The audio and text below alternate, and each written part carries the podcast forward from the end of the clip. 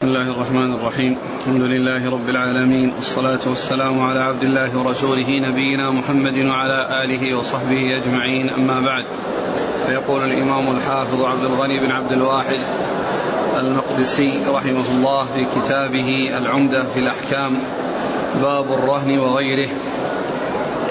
عن عائشة رضي الله عنها أن رسول الله صلى الله عليه وعلى آله وسلم اشترى من يهودي طعاما ورهنه درعا من حديد.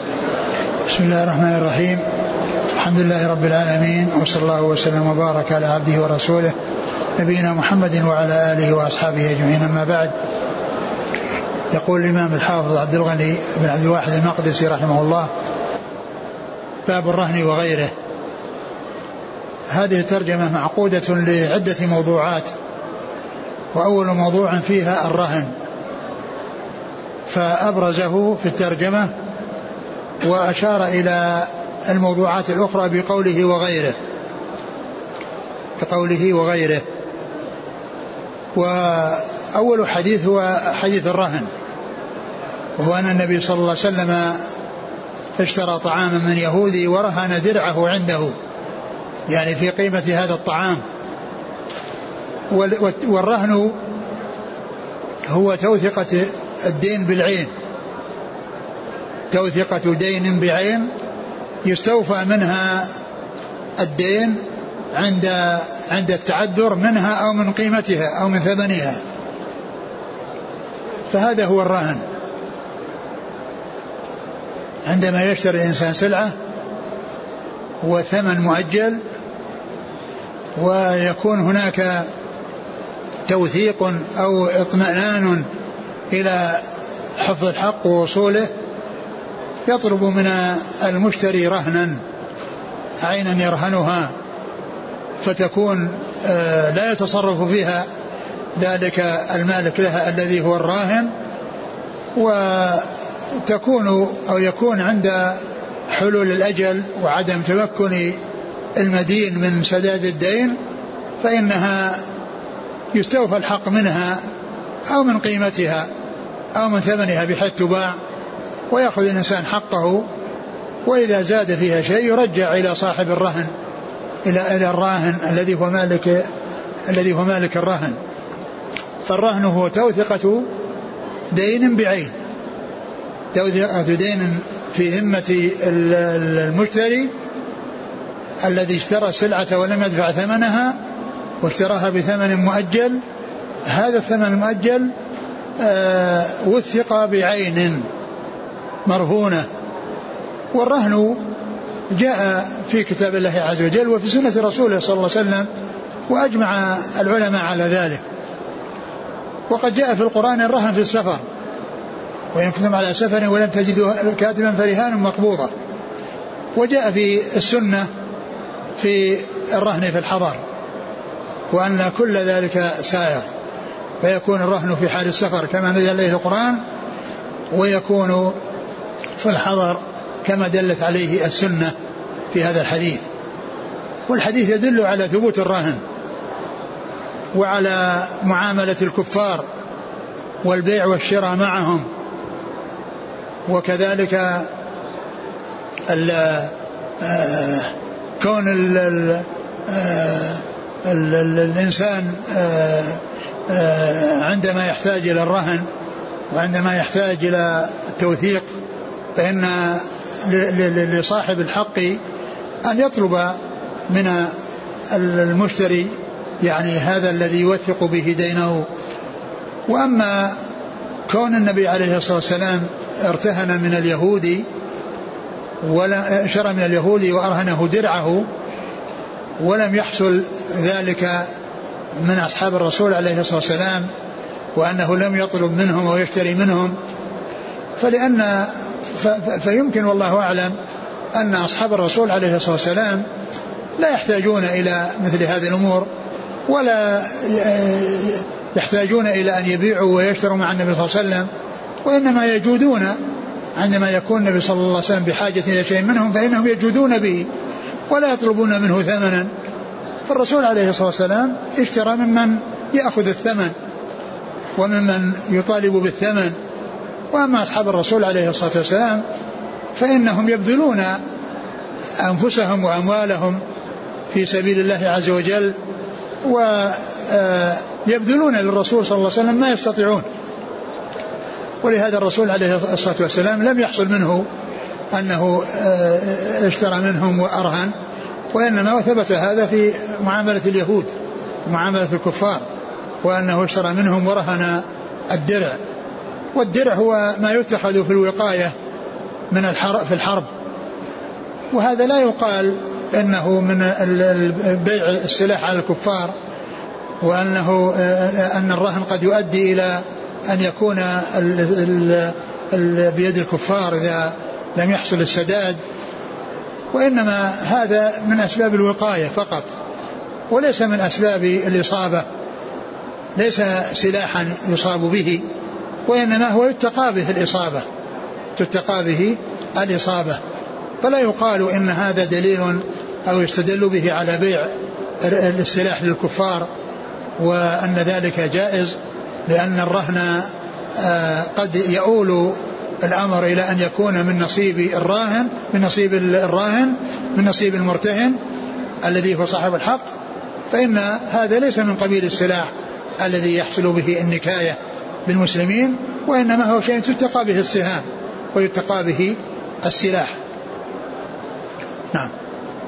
وعن أبي هريرة رضي الله عنه أن رسول الله صلى الله عليه وسلم قال مطل الغني ظلم فإذا أتبع أحدكم على مليء فليتبع. ثم ذكر هذا الحديث يتعلق بالحواله هذا الحديث يتعلق بالحواله ويكون الإنسان ينتقل دين من ذمة إلى ذمة من إنسان إلى إنسان. بأن يكون المدين عندما طلب منه الدائن حقه لم يكن بيده شيء ولكنه أحاله على مليء أحاله على مليء فتنتقل الدين من ذمة إلى ذمة. هذا هو هذه الحوالة. المقصود بها نقل الدين من ذمة إلى ذمة من ذمة المحيل الذي هو الطالب المحيل الذي هو المطلوب المطلوب منه والذي لم يستطع السداد إلى ذمة شخص آخر. إلى ذمة شخص آخر. قال عليه الصلاة والسلام مطل الغني ظلم. المطل هو التأخير والمماطلة في وصول الحق إلى مستحقه. وهذا إنما يكون مع القدرة. ومع القدرة على السداد فإنه يكون مطلا. أما إذا كان المدين معسرا فإن فإن الأمر كما قال الله عز وجل وإن كان ذو عسرة فنظره إلى ميسرة وإنما الكلام في حق من يكون غنيا وعنده قدرة على السداد ومع ذلك يماطل في تسديد الدين. ويأخر تسديد الدين فإنه ظلم. ظلم من هذا الذي آه، عنده القدرة على السداد للدائن الذي يطالبه بحقه الذي يطالبه بحقه وهو يؤخر ويتلكأ. إذا كان غنيا وواجدا وعنده المال وعنده القدرة فإن ذلك ظلم منه إذا لم يسدد. أما إن كان غير قادر فالله عز وجل يقول وإن كان ذو عسرة فنظرة إلى ميسرة وإن كان ذو عسرة فنظرة إلى ميسرة. ولهذا قال مطل الغني مطل الغني ظلم لأنه غني عنده مال يريد أن يسدد ولكنه يمكن أنه لا يبادر لأنه يريد أن يشتغل بهذا المال وأن يحرك هذا المال في مصلحته مع إضراره بالدائن الذي يطالب بحقه. فالنبي صلى الله عليه وسلم قال مطل الغني ظلم. يعني هذا الغني الواجد الذي عنده القدرة على السداد يكون ظالما للدائن الذي يطالب بحقه إذا لم يؤدي إذا لم يؤديه إليه آه، آه، عند حلوله إذا كان مؤجلا أو إذا كان غير مؤجل بأن يكون قرضا لا تأجيل فيه فيأتي إلى شخص غني عنده المال ويطلب منه فيؤخر ويماطل فإن ذلك ظلم من هذا. ثم أشار إلى الحوالة. قال وإذا أتبع أحدكم على مليء فليتبع. يعني أنه إذا طلب من إنسان ولم يكن عنده تمكن من السداد وأحاله هذا المطلوب إلى شخص آخر يكون مليء يعني عنده قدرة فإنه يتبع. يعني يقبل يعني هذه الحوالة ويذهب إلى ذلك الذي بيد عنده قدرة. على التسديد. فينتقل الدين من ذمة إلى ذمة. فينتقل الدين من ذمة إلى ذمة بسبب الإحالة. نعم. بسبب الحوالة نعم. الرضا مطلوب؟ نعم إذا كان إذا كان أنه يعرف أنه مليء فإنه مطلوب لأن هذا فيه مصلحته. وللسلامة من هذا المطل الذي آه، هو واقع فيه. قال وعنه رضي الله عنه أنه قال قال رسول الله صلى الله عليه وسلم أو قال سمعت النبي صلى الله عليه وسلم يقول من أدرك ماله بعينه عند رجل أو إنسان قد أفلس فهو أحق به من غيره. قال عن قال رسول الله وعنه رضي الله عنه قال قال رسول الله صلى الله عليه وسلم أو قال سمعت النبي صلى الله عليه وسلم يقول من أدرك ماله بعينه عند رجل أو إنسان قد أفلس فهو أحق به من غيره. أولا هذا هذا الحديث أو أول الحديث الذي فيه عن أبي هريرة أن أنه قال قال رسول الله صلى الله عليه وسلم أو قال سمعت رسول الله صلى الله عليه وسلم. سمعت النبي. سمعت النبي صلى قال قال رسول الله. الأول. الأول قال رسول قال قال رسول نعم. الله صلى الله عليه وسلم. أو قال سمعت النبي صلى الله عليه وسلم. يعني هذا يدلنا على عناية المحدثين في ضبط الألفاظ والمحافظة عليها وأنهم يحرصون على الاتيان باللفظ كما جاء إليهم. وهنا يقول يعني آه، في آه، الذي آه، الذي دون أبي هريرة أو الذي يروي عن أبي هريرة أو الذي دون أبي هريرة يعني عنده شك. هل أبو هريرة قال قال رسول الله صلى الله عليه وسلم كذا أو قال سمعت رسول الله صلى الله عليه وسلم كذا؟ النتيجة واحدة. لا فرق بينهما إلا أنها تدل على دقة المحدثين وعنايتهم على المحافظة على الألفاظ وأنهم وإن كان مؤدى قال قال رسول الله صلى الله عليه وسلم كذا أو سمعت النبي صلى الله عليه وسلم يقول كذا مؤداهما واحد. والتعبير بالنبي والتعبير بالرسول صلى الله عليه وسلم ليس في فرق عند إسناد الحديث إليه عليه الصلاة والسلام. ولكن هذا اللفظ هذا المعنى يدلنا على ضبطهم وإتقانهم وأنهم إذا كانوا يحرصون على أداء الألفاظ مثل كلمة النبي وكلمة الرسول صلى الله عليه وسلم أو قال قال أو سمعت فهذا يدلنا على دقتهم وعلى دقة ضبطهم وأنهم معنيون بالاتيان بالأحاديث أو بالألفاظ كما سمعوها حتى في الصيغ. ولهذا يأتي أحيانا في بعض الأسانيد عندما يقول الصحابي يعني عندما يسند التابعي إلى الصحابي عن فلان الصحابي يرفعه إلى النبي صلى الله عليه وسلم يرفعه. كلمة يرفعه هذه يصلح أن يدخل تحتها قال قال ويصلح تحتها سمعت ويصلح عن فتكون هذه كلها صيغ. فإذا كان الراوي ما تحقق الصيغة فإنه يأتي. إما بهذا الذي جاء في الإسناد الذي معنا قال قال قال قال رسول الله صلى الله عليه وسلم أو سمعت النبي صلى الله عليه وسلم. أو يقول يرفعه. لا يقول سمعته ولا يقول قال ولا يقول عن وإنما قال يقول يرفعه. فكلمة يرفعه هذه تؤدي هذه الصيغ كلها. فأحيانا يأتي بذكر يأتون بذكر الاحتمالين وأحيانا يأتي بلفظ يدخل تحته كل الاحتمالات وهي كلمة يرفعه أو ينميه أو يبلغ به النبي صلى الله عليه وسلم. قال عليه الصلاة والسلام في هذا الحديث من وجد متاعه من من وجد متاعه؟ من أدرك ماله بعينه عند رجل أو إنسان قد أفلس فهو أحق به من غيره. من وجد متاع ماله قال من؟ من أدرك ماله. من أدرك ماله عند رجل أو إنسان بعينه فهو أحق به من الغرماء. الرجل إذا أفلس وكان له عدة دائنين فإنهم يكونون أسوة.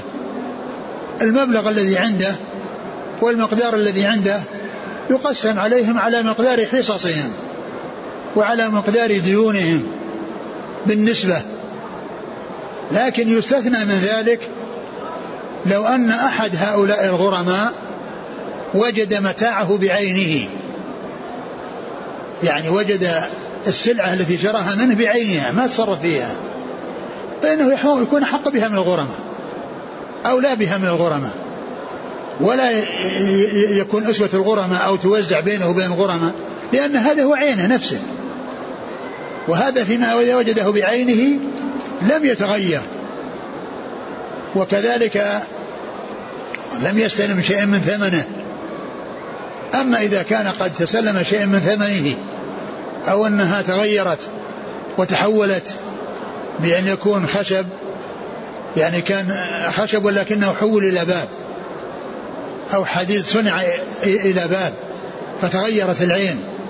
وإن كان الأصل موجودا الخشب هو الخشب ولكنه تحول إلى باب. فإنه يكون نسوة الغرماء.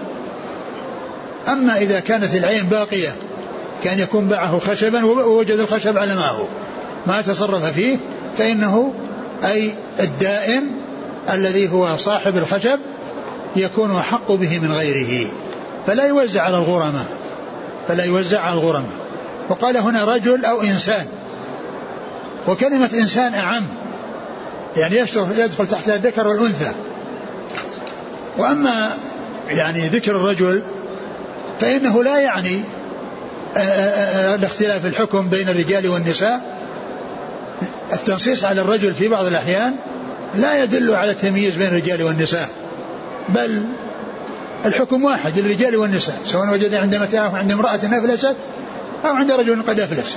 فالتعبير بالرجل لأن لأنه الغالب لأنه هو الغالب يعني أن الخطاب مع الرجال كما يأتي في الأحاديث الكثيرة من لا تتقدم رمضان بيوم أو يومين إلا رجل كان يصوم صوما فليصم إلا رجل كان يصوم صوما فصم إن الرجال يتحوضون في مال الله بغير حق فلهم النار يوم القيامة.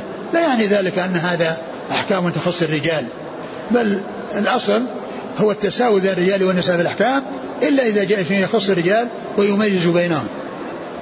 بأن تكون يعني المرأة على نصف من الرجل في الدية وفي الميراث وفي العقيقة وكذلك التفريق بين بول الجارية وبول الغلام.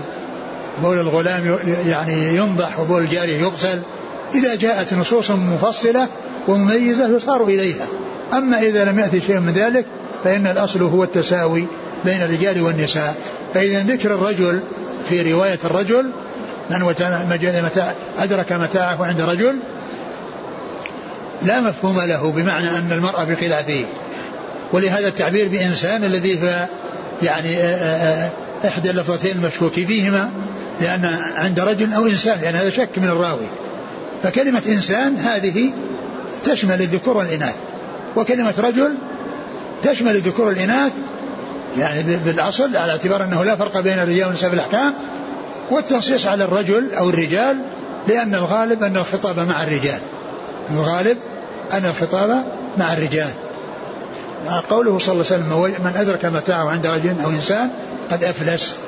فهو أحق به من الغرماء لأن المفلس إذا يعني آه، كثرت ديونه ولم يكن عنده شيء وأصحاب الديون يطالبون فإنه يحجر عليه للفلس ويكون ما بحوزته من المال يكون يوزع على الغرماء على قدر أنصبائهم. ولكن يستثنى من ذلك ما جاء في هذا الحديث أن من أدرك متاعه عند رجل قد أفلس فهو أحق به من الغرماء. نعم وعن جابر بن عبد الله رضي الله عنهما أنه قال جعل وفي لفظ قضى. النبي صلى الله عليه وسلم بالشفعة في كل ما لم يقسم. فإذا وقعت الحدود وصرفت الطرق فلا شفعة. ثم ذكر هذا الحديث في الشفعة فيما يتعلق بالشفعة والقسمة. قال قضى رسول الله صلى الله عليه وسلم بالشفعة في كل ما لم يقسم. لأن الأشياء المشتركة التي هي مشاعة مثل قطعة أرض أو بيت يكون بين شخصين فإن حق كل واحد منهم مشاع لا يتميز بأن يكون هذه الجهة لفلان وهذه الجهة لفلان لأنها ما حصل قسمة. فقضى بالشفعة فيما لم يقسم. يعني بيت مشترك بين اثنين باع أحدهما. شريكه له حق الشفعة دفعا للضرر. لأن قد يأتي إنسان يتعبه. لأنه كان مع إنسان دخل معه شركة على اعتبار أنه رضيه. فإذا باع أحد الشريكين على شخص آخر ثالث فإنه قد يلحق به ضررا لأن الناس يتفاوتون. فجعل له حق انتزاع حق انتزاع آه، المبيع من الشخص الذي صار إليه الذي باعه عليه شريكه. الذي باعه عليه شريكه. فلأحد الشريكين حق الانتزاع بثمنه. حق الانتزاع الذي من هذا القسط الذي بيع له ممن اشتراه. وهذا يفعل الضرر. وهذا يفعل الضرر. فأول الحديث يفيد أن القسمة في كل شيء لم يقسم. وهو لفظ عام. وفي آخره تخصيص ذلك بالعقار في البنيان وفي البيوت وفي الأراضي. قال فإذا صرفت الحدود ووقعت الشفعة ووقعت القسمة فلا فإذا صرفت الحدود إذا وقعت الحدود وصرفت الطرق. فإذا وقعت الحدود وصرفت الطرق فلا شفعة. يعني بمعنى أن كل واحد متميز حقه عن الثاني. ما في اشتراك لأن الاشتراك قبل القسمة. وأما بعد القسمة فكل حقه متميز. هذا له حدود وهذا له حدود. فإذا يعني صرفت الطرق و, و, و, و فإذا صرفت الطرق و فإذا وقعت الحدود. وقعت الحدود وصرفت الطرق فلا شفعة بأن يكون كل واحد عرف حقه وعرف حدوده وضع علامات يعني تدل على حق هذا وتمييز حق هذا من هذا. إذا لا, لا هنا ليس هناك شركة. حتى يكون هناك شفعة. لأن هذا نصيبه مستقل وهذا نصيبه مستقل.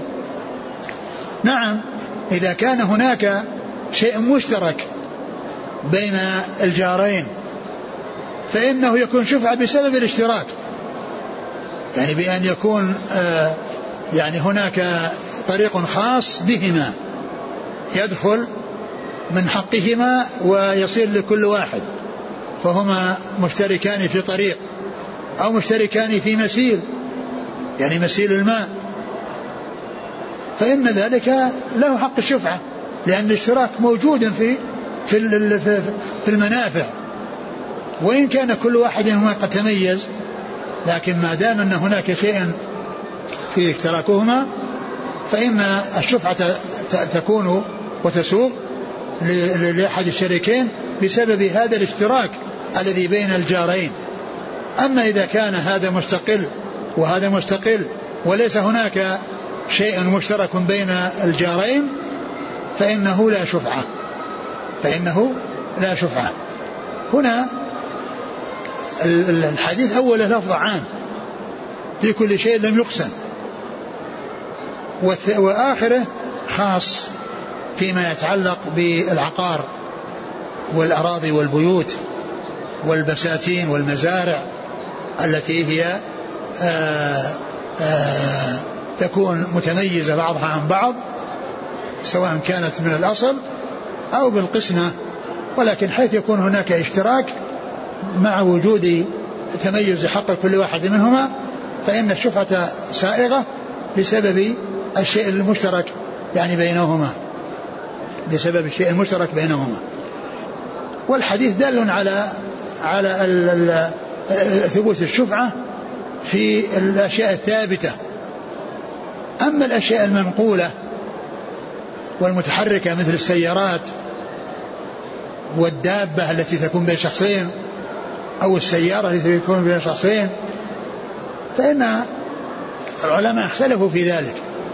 منهم من قصر الحكم على الأشياء الثابتة كالبنيان كالدور والمزارع والأراضي ومنهم من عمم الحكم في كل شيء يخشى منه الضرر فإنه يكون في حق الشفعة. ولا شك أن هذا القول هو الصحيح يعني إذا كان اثنين في مشتركين في سيارة وكل واحد منهم راض عن الثاني ثم باع أحدهما فجاء شريك يتعبه في هذه السيارة أو في هذه الدابة. فإن له حق الشفعة. ولهذا أول الحديث يدل على عموم الشفعة في كل ما لم يقسم ولم ينص على على ثابت وغير ثابت.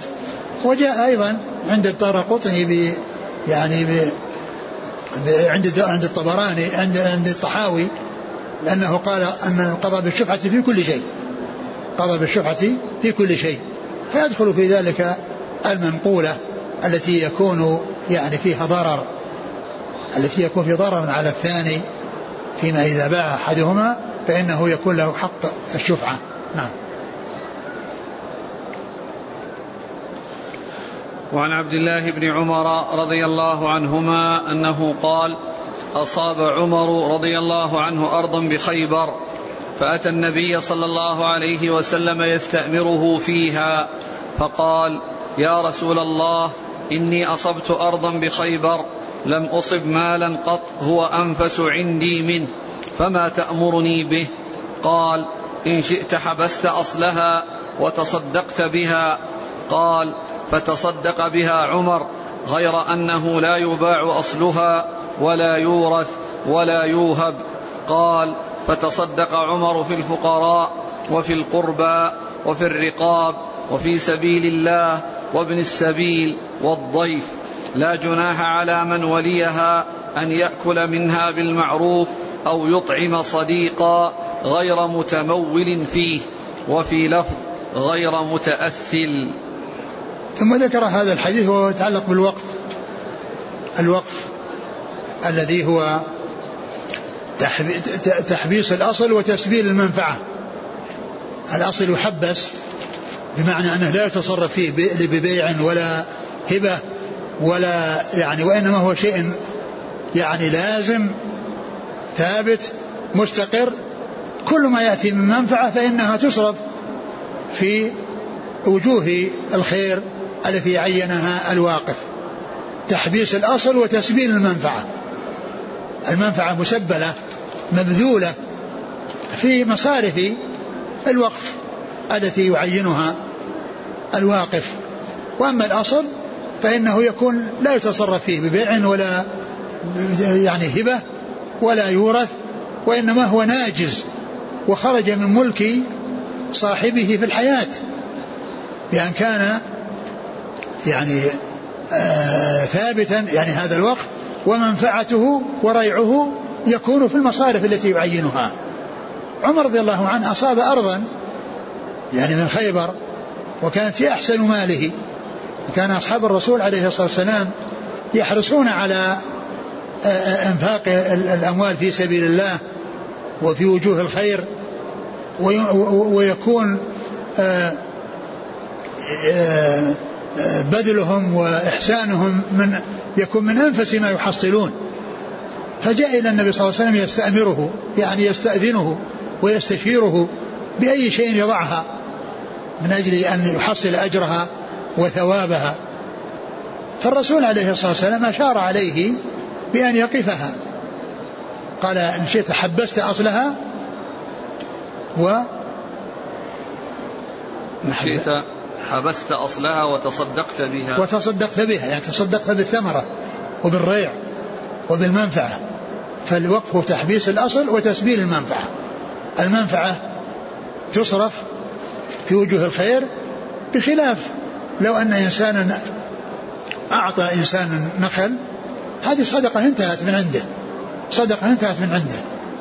وعطية أعطاها من عنده. لكن إذا الصدقة الجارية هي التي يتكرر نفعها ويحصل نفعها وقتا بعد وقت مثل النخل ومثل الدار التي منفعتها والسكنة فيها تكون في, تتجدد يعني شيئا فشيئا وكذلك يكون لها أجرة وتوزع الأجرة في وجوه الخير سواء آه، آه، سبل الدار لمن يسكنها من ممن هو محتاج إليها أو أجرها وصرف أجرتها وريعها في وجوه الخير. المهم في الوقت أن أصله لا يباع ولا يوهب ولا يتصرف فيه إلا إذا تعطلت منافعه فإنه يباع ويحول إلى يعني منفعة أخرى من جنسه أو إلى وقت آخر من جنسه. لأنه إذا تعطلت منافعه ما في فائدة يضيع. لكن إذا بيع وحول قيمته إلى وقف آخر يكون فيه المنفعة فإن ذلك سائر وإلا في الأصل أنه لا يباع. قال إيش؟ قال قال النبي صلى الله عليه وسلم إن شئت حبست أصلها وتصدقت بها. تصدقت بها يعني بريعها وبمنفعتها. نعم. قال فتصدق بها عمر غير أنه لا يباع أصلها ولا يورث ولا يوهب. وهذا هو شأن الوقف. أنه لا يباع الأصل ولا يورث. ما هو مال يعني يخلفه وراء يورث؟ لأنه خرج من ملكه بالوقف. فصار لله عز وجل يصرف في الجهات في جهات الخير التي خصصها الواقف والتي عينها الواقف. ف فتصدق بها عمر رضي الله تعالى عنه يعني وقفها كما أرشده إلى ذلك رسول الله عليه الصلاة والسلام. فقال؟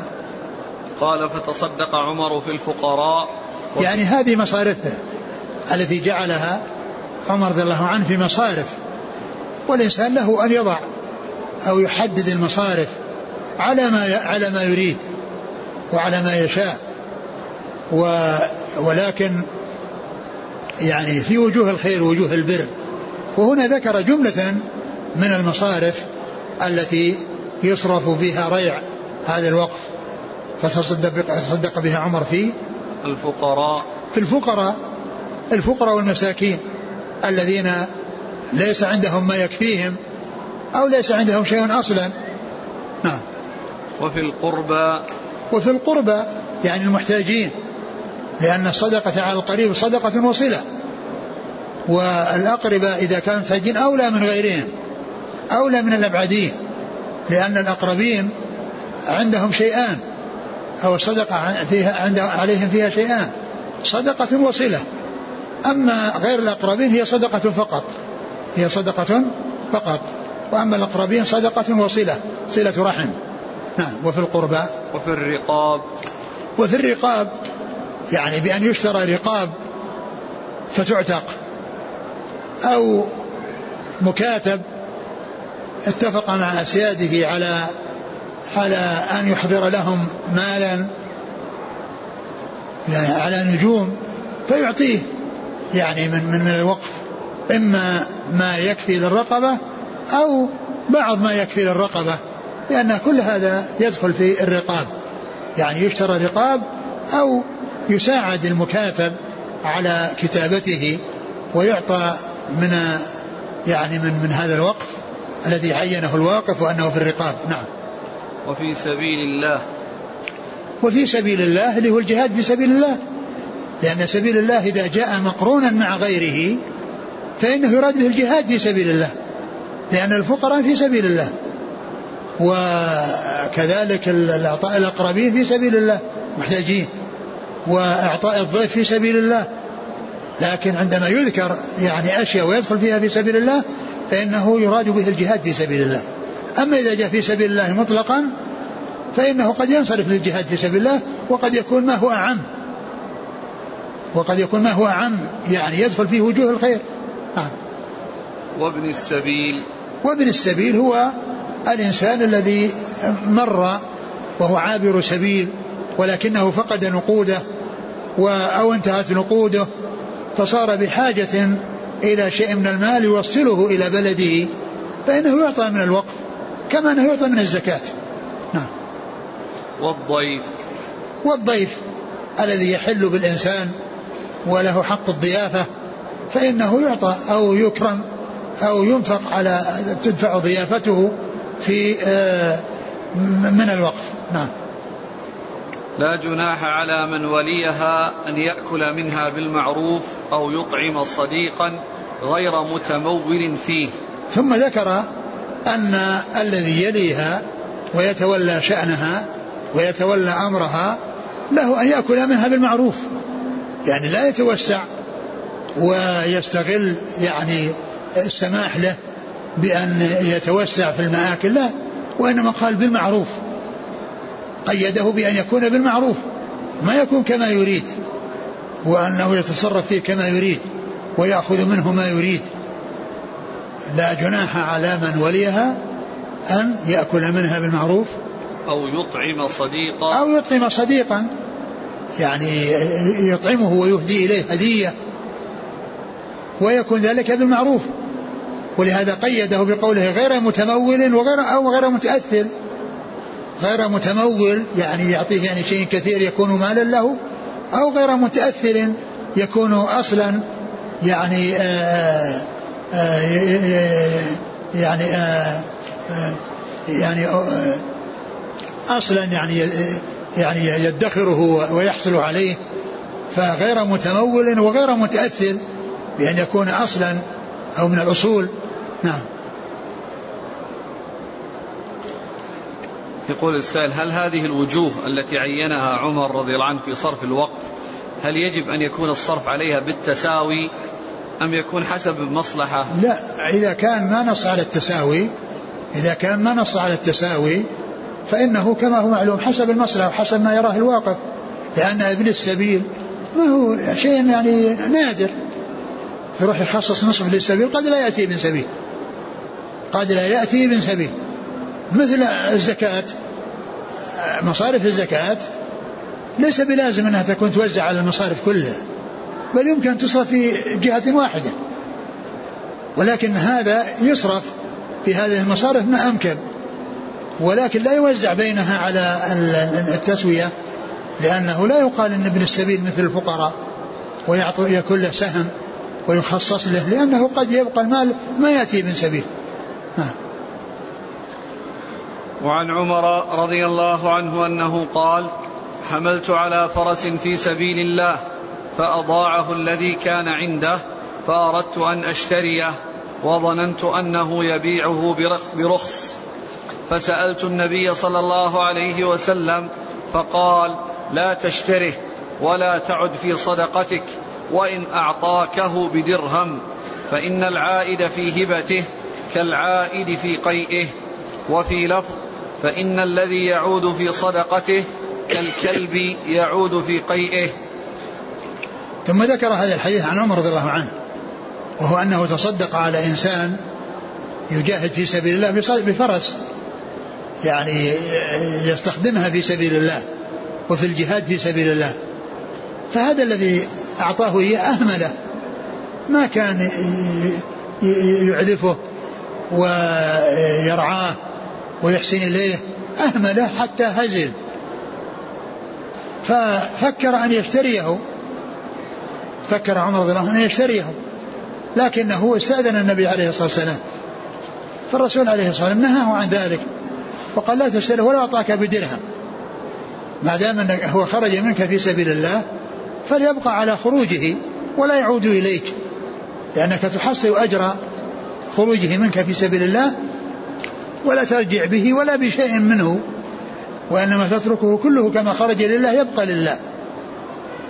ثم أيضا كون الإنسان يعني يشتري من من باعه أو تصدق عليه يمكن يكون في ذلك مراعاة ويمكن في ذلك يعني حياء بأنه يبيعه برخص بسبب أنه أحسن إليه.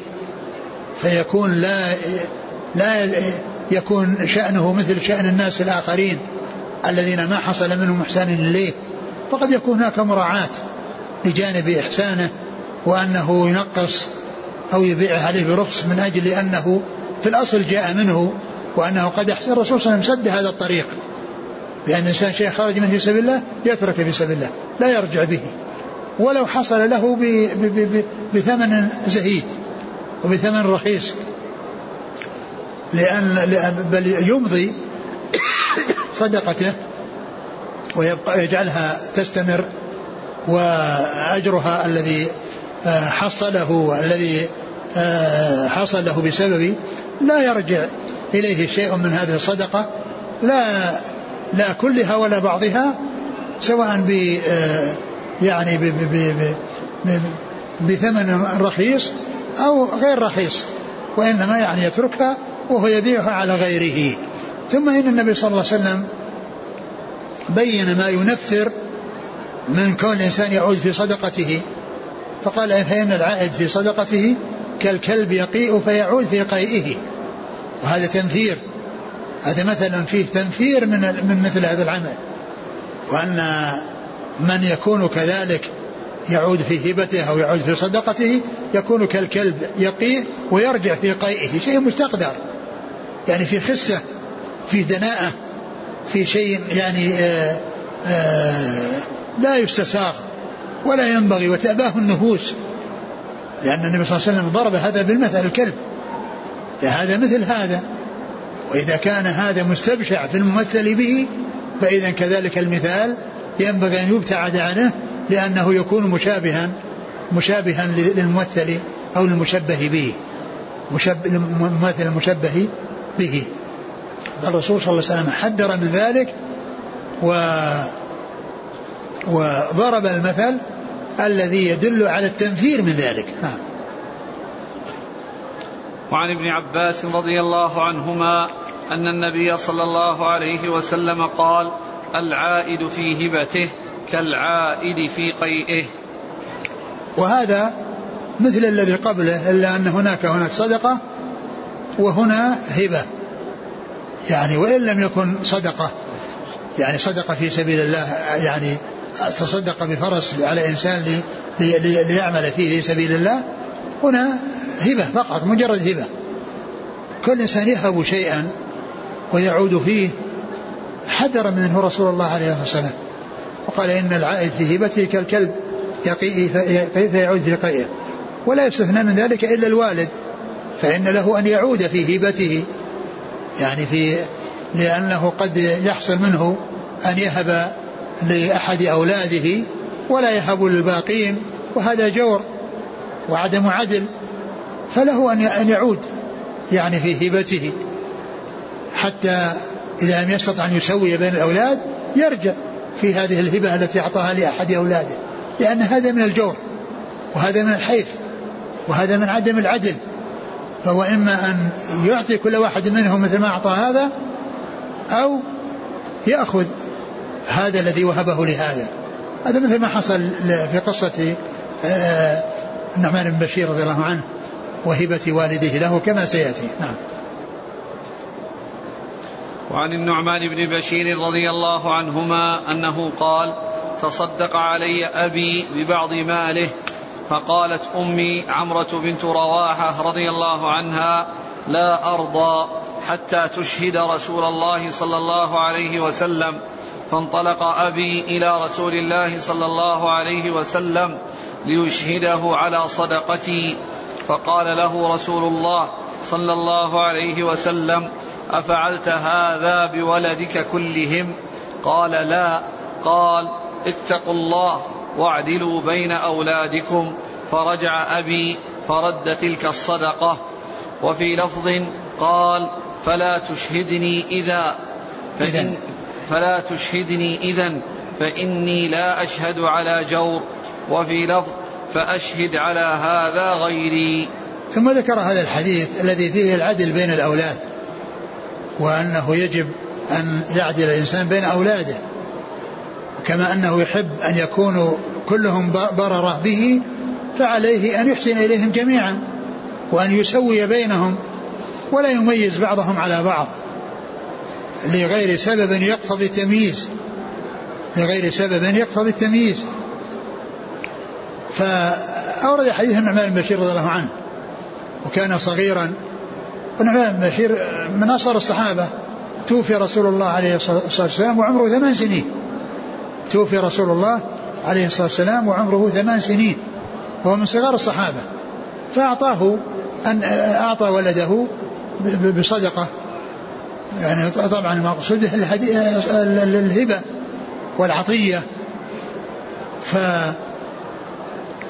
فعلمت أمه فقالت لا أرضى حتى تشهد على ذلك رسول الله صلى الله عليه وسلم. تريد أن تتوثق بأن هذا الشيء الذي حصل أنه يستحقه.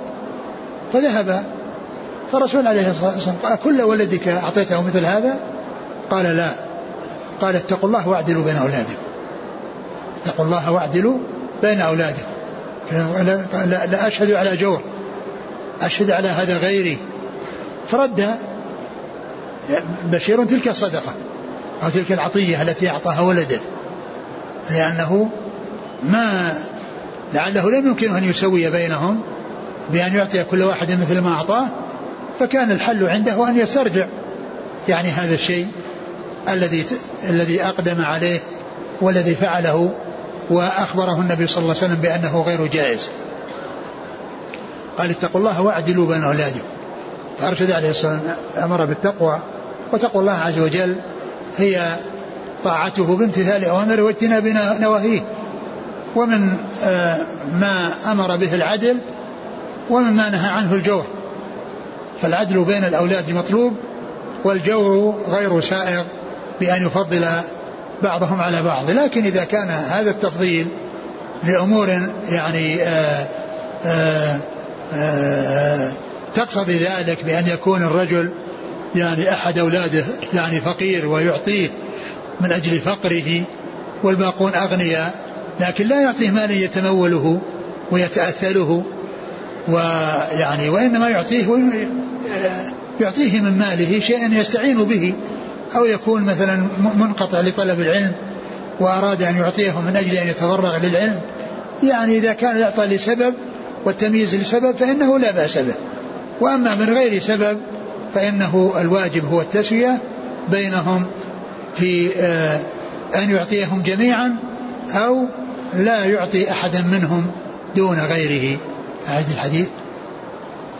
عن النعمان بن بشير رضي الله عنهما أنه قال تصدق علي أبي ببعض ماله فقالت أمي عمرة بنت رواحة. معلوم أن المقصود من ذلك هو العطية لأن الصدقة يعني والزكاة لا تعطى للفروع ولا للأصول. الإنسان لا يعطي زكاته لفرعه وأصله.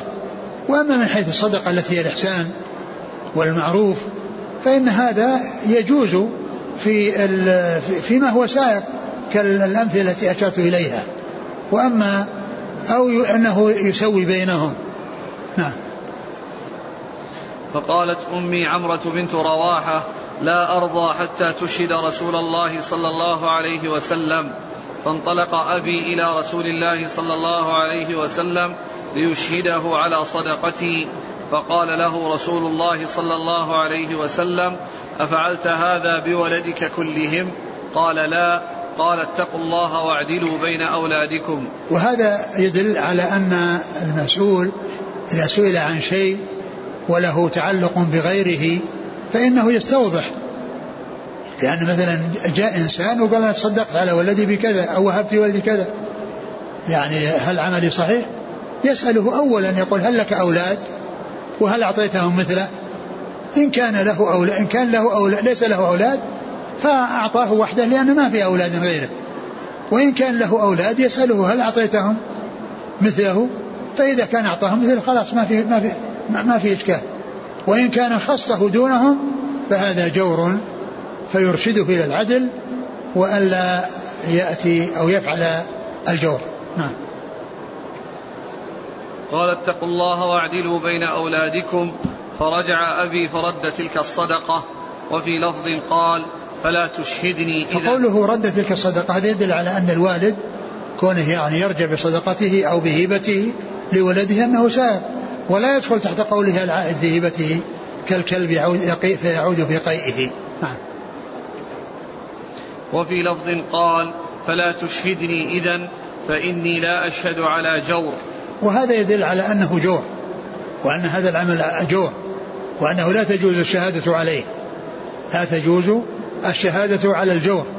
ها. وفي لفظ فأشهد على هذا غيري. يقول إذا كان أحد الأولاد عاق والآخر بار فهل يجوز تفضيل البار على العاق؟ لا يجوز. لا يجوز. يعني أن إذا كان أنه يعني يخدمه وكونه يعني يعمل له أمور أخرى أما إذا كان هذا في بيته وهذا في بيته وهذا طيب معه وهذا مطيب معه لا ما يقال أن أنه يعطيه يعني شيء يخصه. لكن إذا كان هناك إحسان أو يعني قيام بأمور لا يقوم بها وأعطاه من أجل يعني هذا القيام الذي يقوم به وكونه يحسن إليه أو يخدمه أو يقوم بخدمة له أو يعني إحسان إليه وأراد أن يكافئه له ذلك. وعن عبد الله بن عمر رضي الله عنهما أن النبي صلى الله عليه وعلى آله وسلم عامل أهل خيبر بشطر ما يخرج منها من ثمر أو زرع. وهذا يتعلق بالمزارعة والمساقاة. المساقاة هي على الشجر. يعني مثل نخل أو يعني آه، شجر يسقى ويستفاد من ثمرته. هذه قال المساقات فيدفع النخل أو غيره من الأشجار لمن يقوم بسقيها وخدمتها والعمل وما يتعلق بها ويكون له جزء نصف مثلا أو ثلث وثلثين. هذه مساقات. والمزارع يدفع الأرض على أن يزرعها ويكون له نصف الزرع نصف ما يخرج منها من الزرع. هذه مزارعة وهذه مساقات. المساقات للشجر والمزارعة للأرض التي تزرع. وكل منهما سائغ وقد جاءت به السنة عن رسول الله عليه الصلاة والسلام. وهذا الحديث في عن ابن عمر في معاملة الرسول صلى الله عليه وسلم اليهود في خيبر دال على ذلك. يدل على جواز المزارعة ويدل على جواز المساقات سواء كانت منفردة هذه عن هذه أو مجتمعتين. لأن النبي صلى الله عليه وسلم عامل أهل خيبر على الشطر مما يخرج منها من ثمر أو زرع. يعني معناه جمع بين المزارعة والمساقات. جمع بين المزارعة والمساقات ويكون على حسب الاتفاق على النسبة التي يتفقان عليها سواء كان نصف نصف نصف أو ثلث ثلثين أو ربع ثلاثة أرباع أو هكذا. المهم أن يكون النصيب مشاع. لا يختص أحد بشيء بأن يقول لي كذا والباقي بين نصفين أو يقول لي المكان الفلاني أو القطعة الفلانية أو اللي يمت المكان الفلاني لي واللي يمت المكان الفلاني هذا كله لا يجوز. لأنه قد يعني يكون الذي خصصه أو اشترط أحدهما هو الذي يكون فيه الفائدة والباقي ما ما يحصل من فائدة. فيكون آه، أحدهما تضرر والثاني استفاد والمطلوب في المساقات والمزارعة وكذلك المضاربة أن يشترك في الغنم والغرم. في الغنم والغرم. إن حصل غنم اشتركوا فيه على النسبة التي يتفقون عليها وإن حصل خسارة ضاعت عليهم. مثل المضاربة. يعني آه، آه، إنسان عنده آه، إنسان يعمل وإنسان منه النقود. وما يحصل على النصف.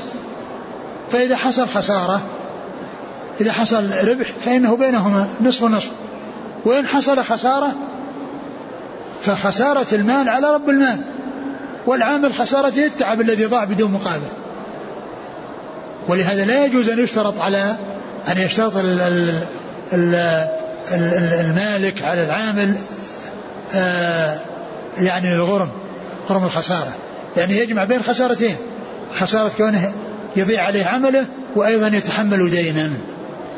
بل الشريعة جاءت باستوائهما بالغنم والغرم فإنه إذا أنتج حصل ثمرة اشترك فيها على النسبة وإن حصل ضرر وخسران فإن هذا خسر عمله وهذا ضاع عليه ماله.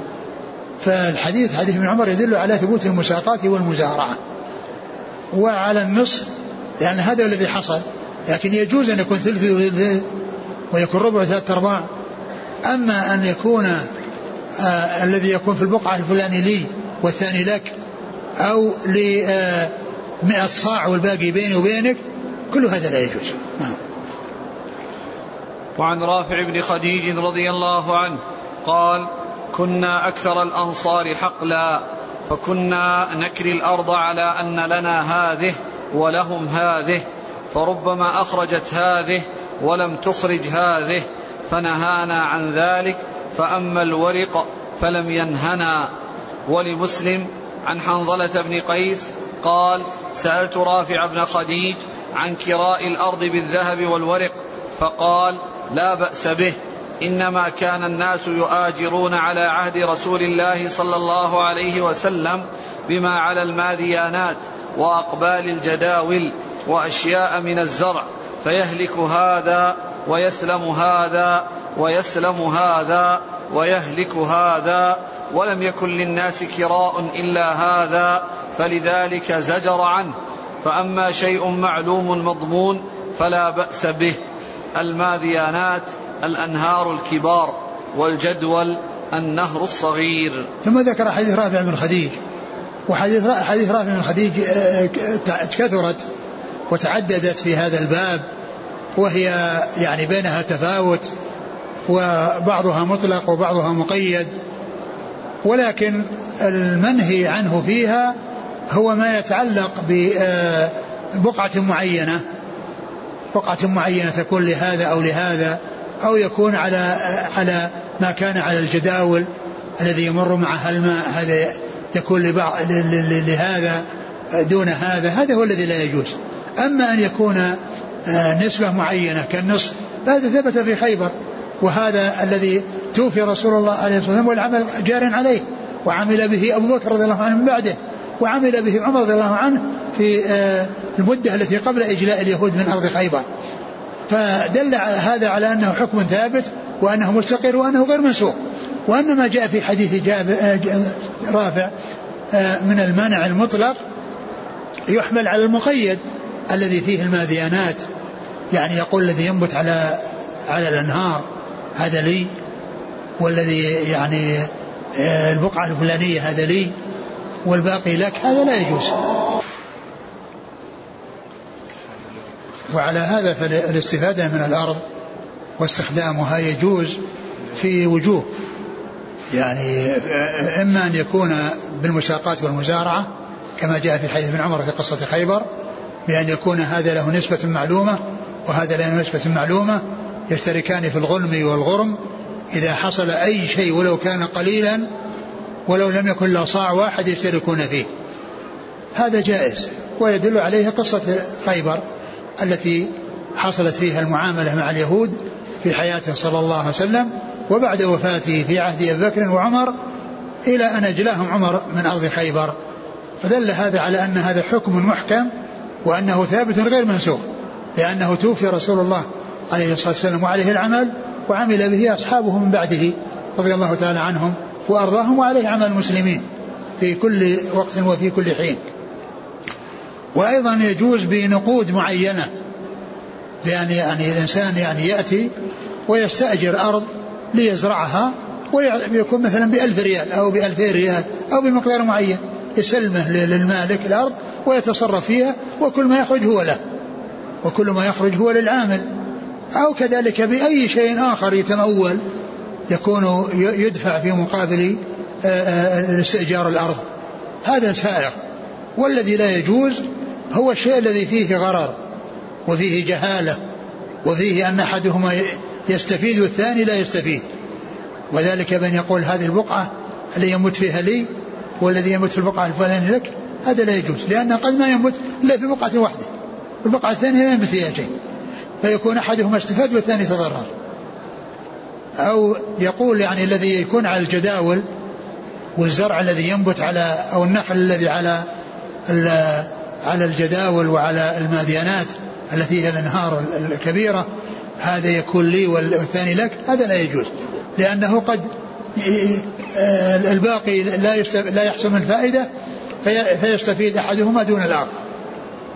يستفيد أحدهما دون الآخر. هذا هو الذي لا يجوز. نعم. قال وعن جابر بن عبد الله رضي الله عنهما قال قضى النبي صلى الله عليه وسلم بالعمرة لمن وهبت له. وفي لفظ من أعمر عمرا له ولعقبه فإنها للذي أعطيها. لا ترجع إلى الذي أعطاها لأنه أعطى عطاء وقعت فيه المواريث. وقال جابر إنما العمر التي أجاز رسول الله صلى الله عليه وسلم أن يقول هي لك ولعقبك.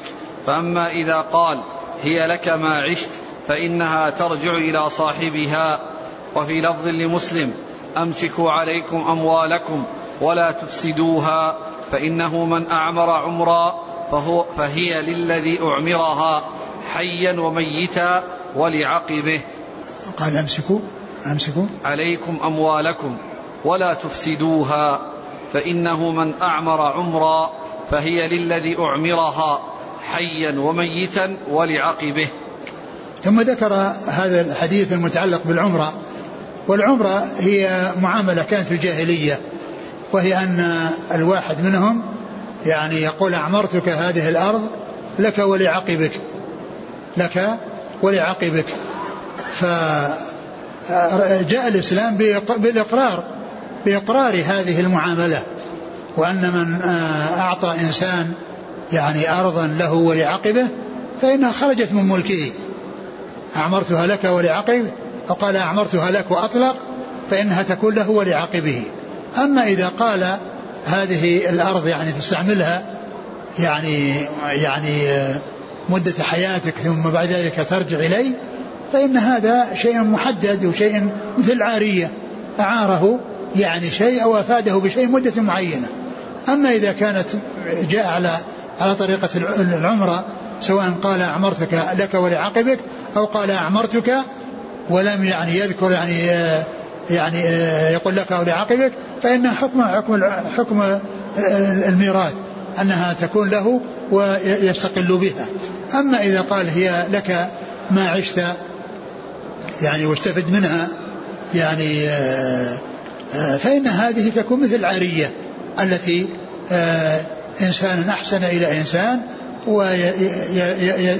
وينتفع بها يعني مدة طويلة فإنها تكون ما خرجت عن ملك صاحبها لأنها بمثابة العارية نعم.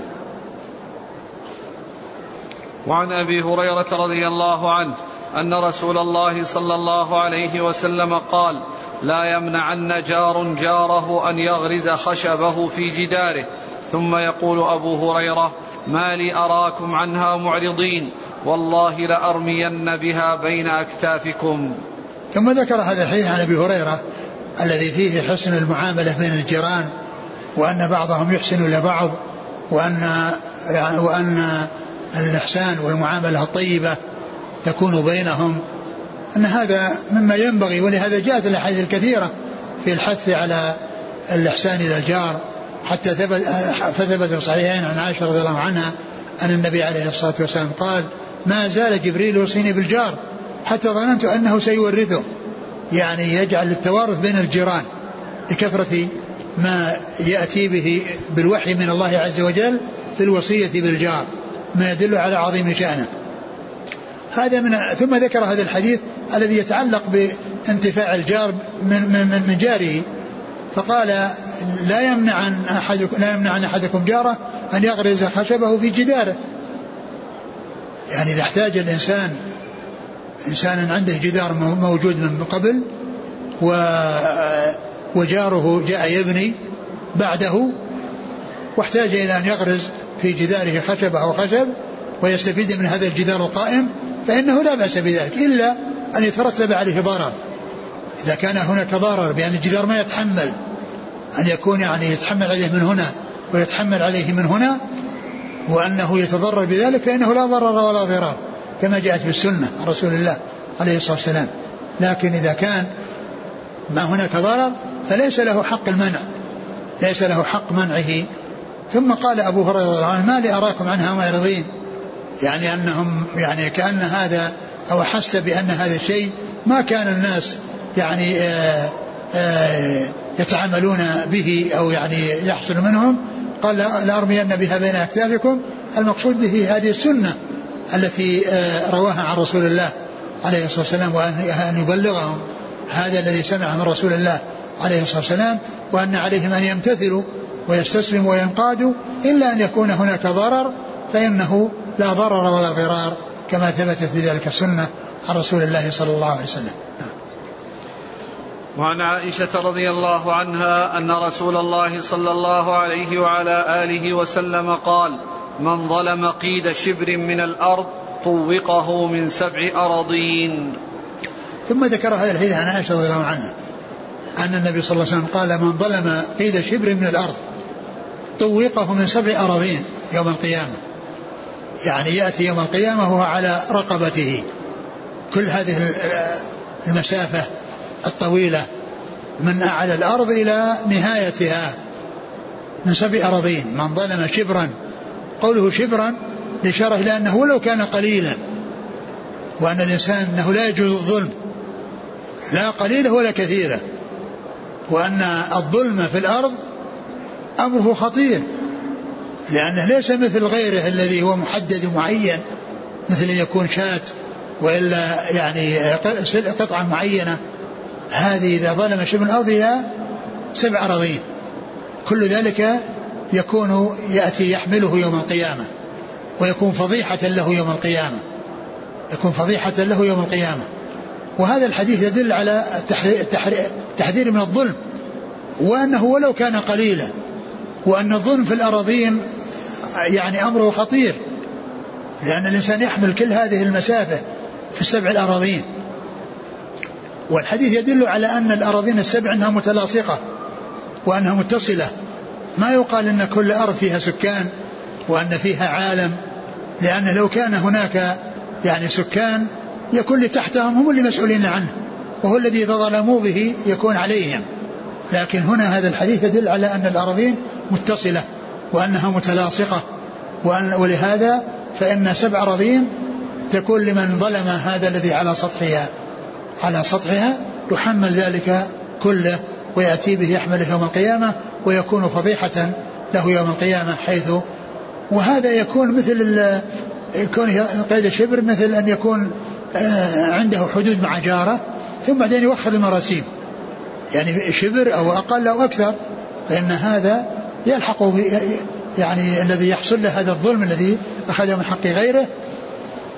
وكذلك إذا صار شيئا كثيرا إذا كان هذا ما يتعلق بالشبر فكيف بال بال بالمسافات الواسعة والمسافات الكثيرة. كل ذلك يأتي والإنسان يحمله على ظهره يوم القيامة. نعم. طوقه. طوقه يعني أسرع طوقه. طوق إياه يوم القيامة يكون على كتفه. باب اللقطة.